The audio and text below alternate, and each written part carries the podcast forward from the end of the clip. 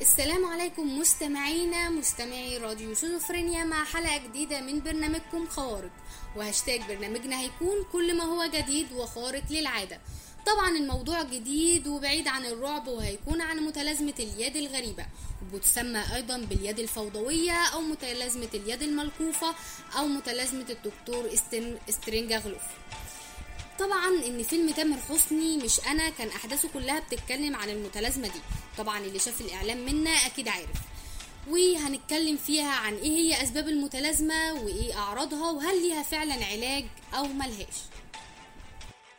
وطبعا قبل ما نقول هي أسبابها لازم نعرف إيه هي متلازمة اليد الغريبة.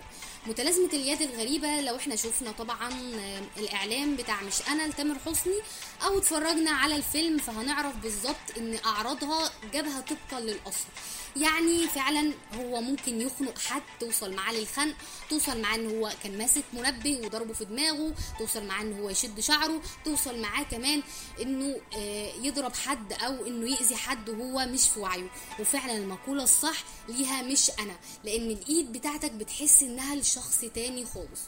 طبعا هنبتدي إن إحنا نتكلم عن حالة كانت فعلا ظهرت عام 1908 وده اكتشفها طبعا من قبل الطبيب النفسي أخصائي الأعصاب الألماني اسمه كورت غولدشتاين. حيث وصف غولدشتاين تقريره إن المرأة دي أصابت بجلطة أثرت على جانبها الأيسر وأصبحت يداها اليسرى وكأنها ملكا لشخص آخر. طبعا إحنا ذكرنا الأعراض دي من شوية بس في أعراض تانية. زي مثلا وأنت بتيجي تاكل بتاكل بشكل غير صحيح لدرجة إن أنت ممكن تملأ فمك زي ما بيقولوا أو تاكل بسرعة كبيرة أو إن أنت فعلا ممكن تخنق نفسك بالأكل اللي أنت بتاكله.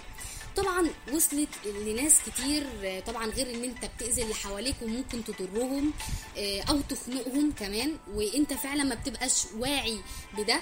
إن في ناس أو مرضى بالمتلازمة دي تقمصوا أسماء غريبة وشخصيات مختلفة. إن ممكن توصل معاهم إن هو إن هو بيربطوا نفسهم إن الإيد دي مش إيدي. يعني إن هذه إن الإيد دي لشخص آخر.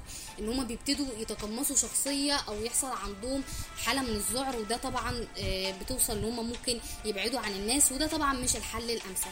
لو هنتكلم بقى هنيجي عن إيه هي أسباب المتلازمة دي. طبعا أسباب المتلازمة دي بتكون غير معروفة ولكن المتخصصون حاولوا إنهم يربطوها بالجسم السفني. طبعا أنت هتقول لي إيه هو الجسم السفني؟ الجسم السفني أو بيسمى باسم آخر هو الصوار السفني.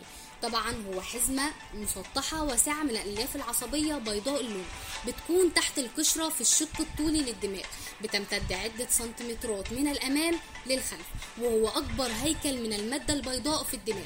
وبيتكون من ملايين الألياف العصبية وبتربط بين النصفين الكرويين الأيمن والأيسر في الدماغ. وطبعا بيسهم الاتصال بينهما وتنتقل المعلومات بينهما على هيئة إشارات كهربائية. يعني الخلاصة إن هو بيبتدي ينقل المعلومات لأن هو بيعتمد على الفصين إن هو فصين الدماغ إن هو يقدر إن هو ينقل المعلومات منهم وليهم. طبعا في أسباب أخرى أو يمكن التعرض للإصابة. إما عن طريق إجراء العمليات الدماغ فلو اجرى عمليات دماغ بيحصل إن بيرسل الدماغ إشارات كهربائية غير طبيعية زي السكتة الدماغية أو الالتهاب أو ورم أو تمدد الأوعية الدموية. أو طبعا أمراض تانية بتظهر بتكون لكبر السن زي مرض الزهايمر. طبعا بما إننا قلنا الأسباب فهنحب نذكر العلاج. هل فعلا ليها علاج ولا ملهاش؟ لو هنتكلم عن العلاج فإن العلاج غير معروف ولحد دلوقتي ما قدروش إنه حد يتحكم فيها أو إنهم يوصلوا لعلاج فعلي. فأنت أول ما تروح للدكتور هيبتدي يقول لك إنك ملكش علاج. وطبعا أول حالة بتحصل زي ما شفنا عند تامر حسني إن هو ابتدى يحبس نفسه. وده طبعا مش الحل الأمثل. الحل الأمثل إن إحنا نبتدي نتحكم في الإيد دي. يعني بمعنى أصح بتعتمد على التطبيق بتعتمد على نفسك. أنت اللي هتقدر تساعد نفسك بنفسك. إن أنت تدربها أو إنك تشغل إيدك دي بدل ما هي تعمل أعمال غير طبيعية إنها تخنق أو تقتل أو تعمل أي حاجة تانية لأنها بتبقى زي ما إحنا قلنا بتبقى تحس إنها مش ليك. تبتدي مثلا زي ما شفنا في تامر حسني أو نسيبنا من الفيلم تبتدي إن أنت تدربها. يعني مثلا في فيلم مش أنا ابتدى يدربها على الرسم وابتدى إن هو يتحكم فيها رغم صعوبته. يعني ممكن ممكن توصل إن أنت تقطع اللوحة وأنت مش بإيدك آه، أو توصل إن أنت تبوظ شغلك كله وأنت بتعمله. بس ده بيبقى محتاج جهد مننا وعزيمة.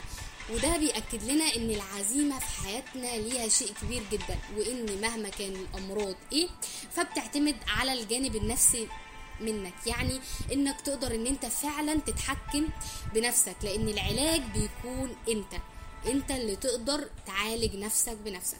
وبكده تكون انتهت حلقتنا ونشوفكم في حلقة جديدة من برنامجكم الخوارق. كانت معاكم دينا عبد الله ونشوفكم في حلقة جديدة تكون أكثر إثارة ولو أنت عارف أي حاجة عن الأعراض دي أو أنا ما ذكرتش الأعراض دي كاملة ممكن إن أنت تقدر تقولها في التعليقات.